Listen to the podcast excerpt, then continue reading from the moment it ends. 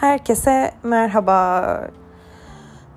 Bu benim e, izleyicisiz ve dinleyicisiz veya herhangi bir platformda e, kimselere anlattığım ilk yayınım.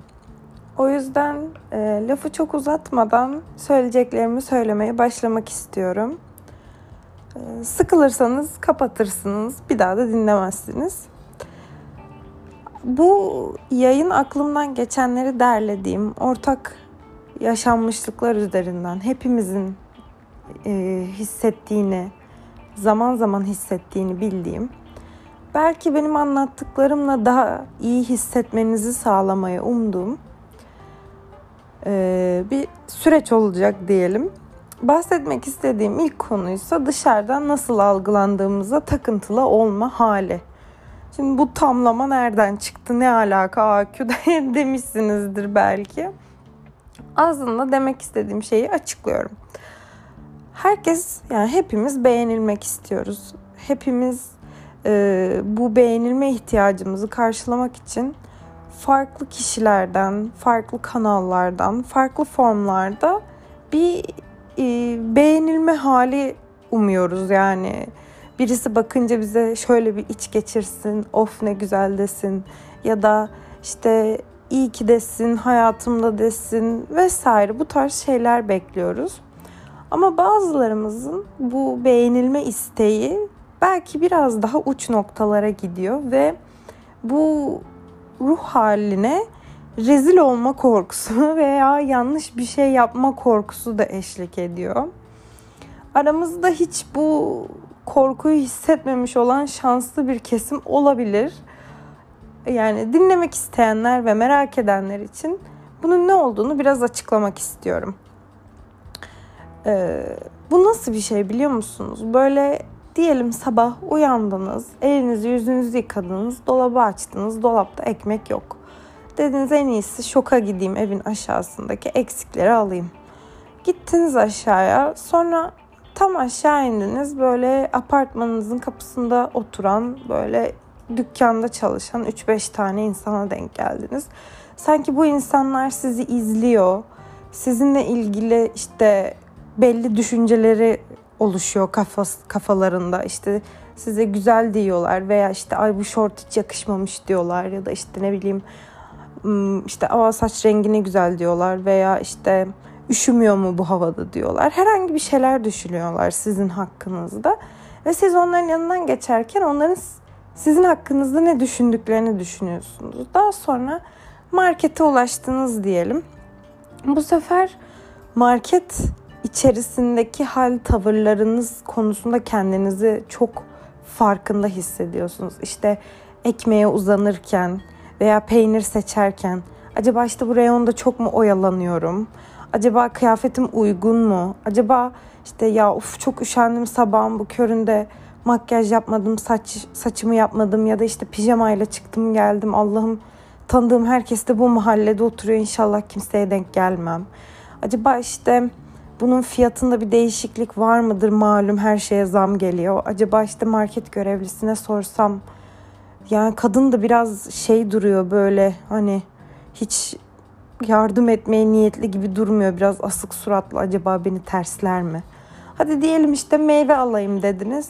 Acaba işte doğru meyveleri mi alıyorum yoksa hep çürükleri mi alıyorum? Ben zaten hep çürükleri toplarmışım gibi geliyor. İşte acaba doğru meyveleri seçmediğim için birisi benim aptal olduğumu düşünür mü? Ya da işte diyelim canınız çikolata tatlı çekti. Topladığınız çikolataları, kolaları ya işte uf aldığım şeyler arasında da hiç sağlıklı bir şey yok. Acaba gören birisi benim böyle sağlıksız olduğumu falan mı düşünür? Acaba kilom nasıl? Çok mu kilo aldım? Sanki bacaklarım böyle şiş şiş duruyorlar. Aslında yani tartıda çok da bir şey fark etmiyor ama acaba işte ne bileyim sporu bıraktım da bir çirkin geliyorum kendi gözüme gibi gibi gibi siz böyle düşünce fırtınaları yaşarken Bunların içinde boğulduktan sonra bir şekilde çıktınız marketten eve gittiniz. Diyelim arkadaşınızla buluşmaya karar verdiniz. Hazırlanıyorsunuz evde. Bir türlü eyelinerınızı güzel seçemediniz. Kıyafet seçeyim dediniz. O da burnunuzdan geldi. En sevdiğiniz parçalar yıkamada diyelim. Uğraştın 50 saat 10 tane tişört, short kombini denedin, çıkardın, giydin, çıkardın, kanter içinde kaldın zaten. Ondan sonra bir şekilde yani bir acayiplik yok üzerinizde ama kendinizi böyle bir çirkin, bir uyumsuz hissediyorsunuz. Gittiniz çok da böyle diyelim ki milletin böyle süslenip püslenip sanki böyle o an kuaförden çıkmıştı oraya gelmiş gibi böyle üstündeki bütün kıyafetler designer kıyafetlermiş gibi takıldığı bir mekana gittiniz diyelim İzmir'de Gül Sokak olsun mesela insanların şık şık giyinip gezdiği yerler. Sürekli işte kendinize takılıyorsunuz. İşte acaba saçınız başınız çirkin mi? Kelimeleri mesela ben bazen sanki kelimeleri kekeleyerek söylüyormuşum gibi geliyor. Hiç öyle bir şey olmamasına rağmen. Veya işte yanlış mı telaffuz ettiniz? İşte ne bileyim acaba dişinizde bir şey mi vardı? Yerken acaba çirkin mi duruyorsunuz? Gibi gibi gibi böyle kendinizle ilgili fazla farkındaysanız nasıl gözüktüğünüz ve nasıl algılandığınızla ilgili hani gelin sarılalım çünkü hayat size ve bize çok zor. Ki hani bununla ilgili benim çok uç bir örneğim de var aslında. Hani bir dönem okul nedeniyle çok stresli olduğum ve geceleri böyle saat 4'te mide bulantısıyla uyanıp gidip kustuğum bir dönem vardı ve artık bu üçüncü kere olduğunda da hani apar topar acile gitmiştim. Hani ne oluyor bir şey mi oluyor insan niye uykusundan uyanıp kusar diye durup dururken. Hani bunun bir miktar işte hani stresli olduğunu da kanaat getirdim o dönemlerde ama yani gecenin dördünde asıl komik olan şey acilde elimde kusmuk poşetiyle oturup beni gören insanların benden iğreneceği, kusmamdan iğreneceği düşüncesiyle midem bulana bulana hani öğürmeden oturdum yani. Gerçekten kusmum boğazımda oturdum yani. Sonra acilden çıktıktan sonra bunu sevgilime söyledim. Dedim ben işte böyle böyle kusmadım insanlar bakıyor diye falan dedim. O kadar dehşet içerisinde baktı ki yani dedi sen manyak mısın? Yani acile gittik dedi. Niye dedi böyle yapıyorsun? Kendine niye bu kadar eziyet ediyorsun? Kustuğunu görsünler. Ne var yani? Ne olacak? Zaten hastasın acile gitmişiz. Oysa ki benim düşündüğüm şey ben tıp öğrencisi olduğum için aynı fakültede olduğum insanların yanında kusmak kusma fikri beni çok irite etmişti mesela. Hani ama tabii bu bende bir aydınlanmaya yol açtı. Yani normal bir insan buna bu kadar reaksiyon gösterince durup bir dedim ki ya ben ne yapıyorum kendime? Peki hani benim kendimle ilgili hislerim ve düşüncelerimden daha çok veya benim iyilik halimden daha çok niye başkasının beni nasıl gördüğü, benim hakkımda ne düşündüğü niye bu kadar önemli olsun ki? Hani hayatımda hiçbir şekilde alan doldurmayan belki ömrümde bir kere gördüğüm ve göreceğim insanların çoğu sokaktan geçip giden yüzünü bile hatırlamadığım insanların benim hakkımda ne düşündüğü, beni beğenip beğenmediği, iyi kötü biri olduğumu vesaire yani bütün bu düşünce yorgunluğu niye bu kadar umrumda, bana bu kadar yük olmasına rağmen. Ben bunun üstüne bir süre kafa yordum kendimde bu davranış stilini fark ettikten sonra. Çünkü dediğim gibi bu aynı zamanda çok da vakit alan bir şey. Yani sokakta yürürken, evde kendi kendinize aynanın karşısındayken hani bir miktar bunun aslında kendimden başladığını fark ettim. Ben kendime karşı bu kadar yargılayıcıydım ki diğer insanların da bana bakınca aynı şeyleri göreceklerini düşünüyordum.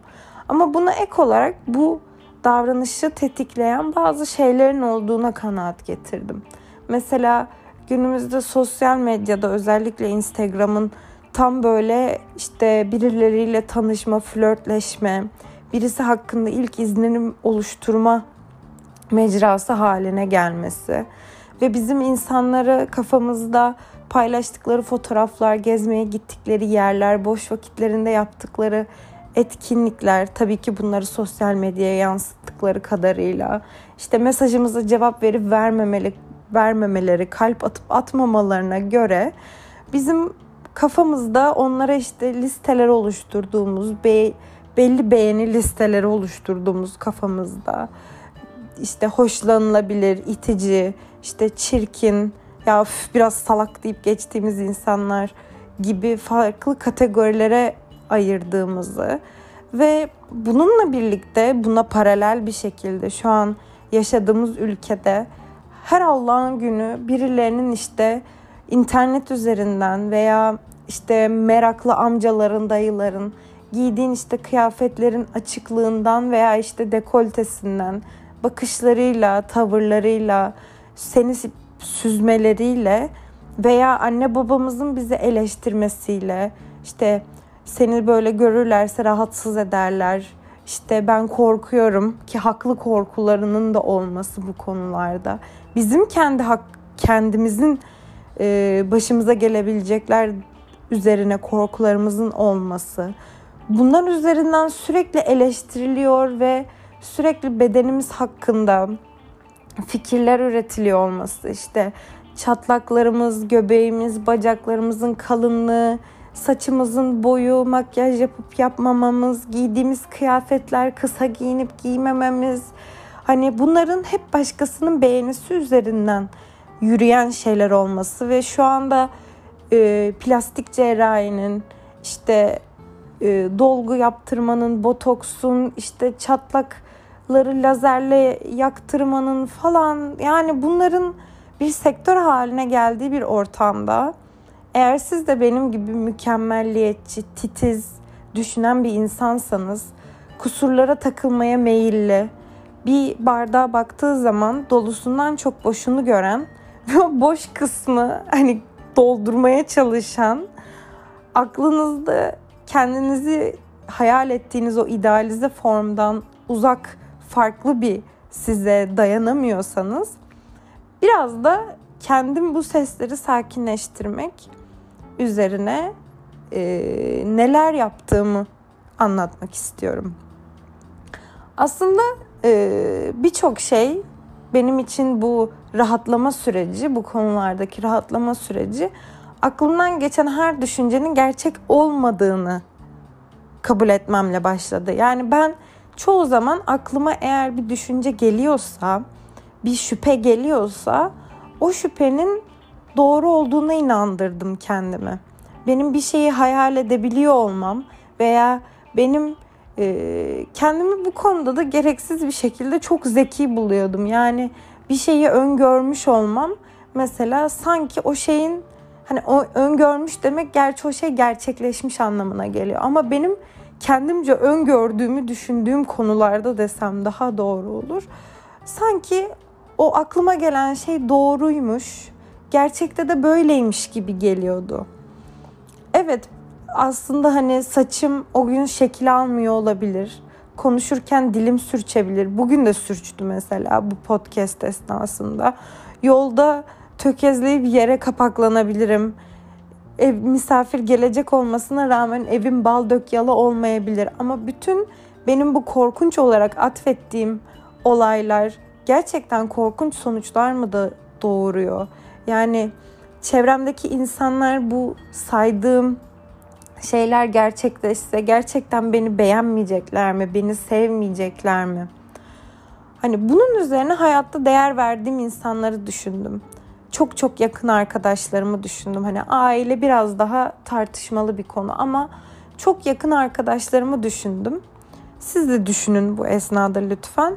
Ve sonrasında onların sevmediğim ya keşke şu huyunu değiştirse diyebileceğim belki de huylarını düşündüm. Hani beni arkadaşlığımızın devam ettiği yıllar içerisinde beni rahatsız eden yönlerini düşündüm. Ve ben bu insanları bu huylarına rağmen seviyorum. Bu huylarıyla birlikte seviyorum. Çünkü hoşuma gitse de gitmese de onları o yapan şey e, iyisiyle kötüsüyle bu davranışlar ve bu huyları.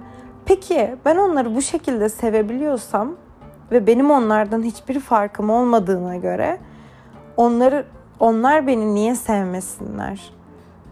Ve bu koşullu sevgi dediğimiz işte öyle olursan seni severim. Böyle olursan işte seninle birlikte olmaya devam ederim düşüncesi aslında gerçek bir sevgi değil. Ve size hayatınızda böyle hissettiren insanlar varsa sizi birlikte olmak için değişmeye zorlayan ama çok temel özelliklerinizden bahsediyorum. veya değişmesini istediğiniz insanlar varsa belki de o insan benim için doğru insan değil deyip devam etmek belki de daha doğrusu. Çünkü siz değiştikçe ağzınızla kuş da tutsanız karşınızdaki her zaman sizde hoşuna gitmeyen bir şey bulabilir ve değişmenizi isteyebilir.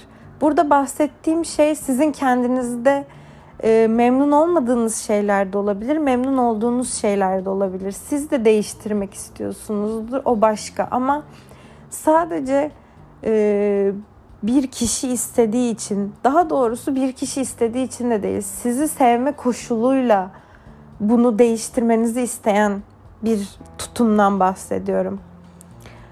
Ee, bunun dışında bir noktaya daha değinmek istiyorum.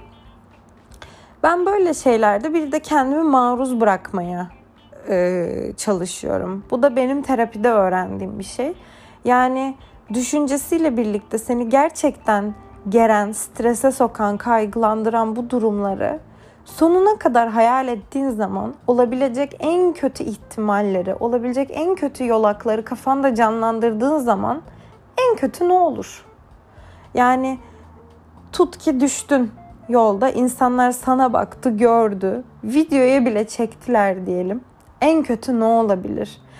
Bu düşünceler tabii bu çok basit bir örnek oldu ama bu düşünceler sizi perperişan etse de oturup ağlaya ağlaya belki de düşünmek gerekiyor bunları. Çünkü bütün o mahvolurum, hayatım kayar, dayanamam dediğiniz şeylerle sınandığınızda mahvolsanız da hayatınız kaysa da dayanamayacak raddeye geldiğinizi de düşünseniz aslında devam ettiğinizi, sonunda ölmediğinizi, sonunda kimsenin bunlardan ölmediğini ve her şeye alıştığınızı görüyorsunuz. Yani toplumda işte ne bileyim hani başına çok kötü şeyler gelmiş olmasına rağmen hepimiz hayatımıza devam ediyoruz. Böyle insanlar var ve biz de onlardan bir tanesiyiz. Bir başka yol olarak da kendim bir arkadaşımmışım gibi kendime tavsiyeler veriyorum. Çok yakın bir arkadaşım gelip bana bu olayı anlatsa ben ona ne söylerdim diye düşünüyorum. Ve başka bir insana şefkatle yaklaşır gibi kendi kendimi şefkatle telkin ediyorum. İşte bunun bir öneminin olmadığını, aslında kimsenin hatırlamadığını bile veya sana 3 saniye zihninde yer veren bir insanın hiçbir anlamının olmadığını böyle şeyleri kendime sık sık hatırlatıyorum. Toparlayacak olursak sosyal kaygılar vardır. Sosyal kaygı yaşayan insanlar vardır. Bunlar bence temelde kendimize acımasız ve sert davranmamızdan köken alıyorlar biraz da. Ve biraz şefkat, biraz sevgiyi başkalarına yönlendirmek veya onlardan beklemek yerine kendimize yönelttiğimiz, azıcık kendimizi maruz bıraktığımız takdirde giderek hafifleyeceklerini umuyorum. Kendinizi üzmeyeceğiniz, pamuklara saracağınız, makyajsız pijamayla özgürce markete gideceğiniz bir hafta olsun. Hoşçakalın.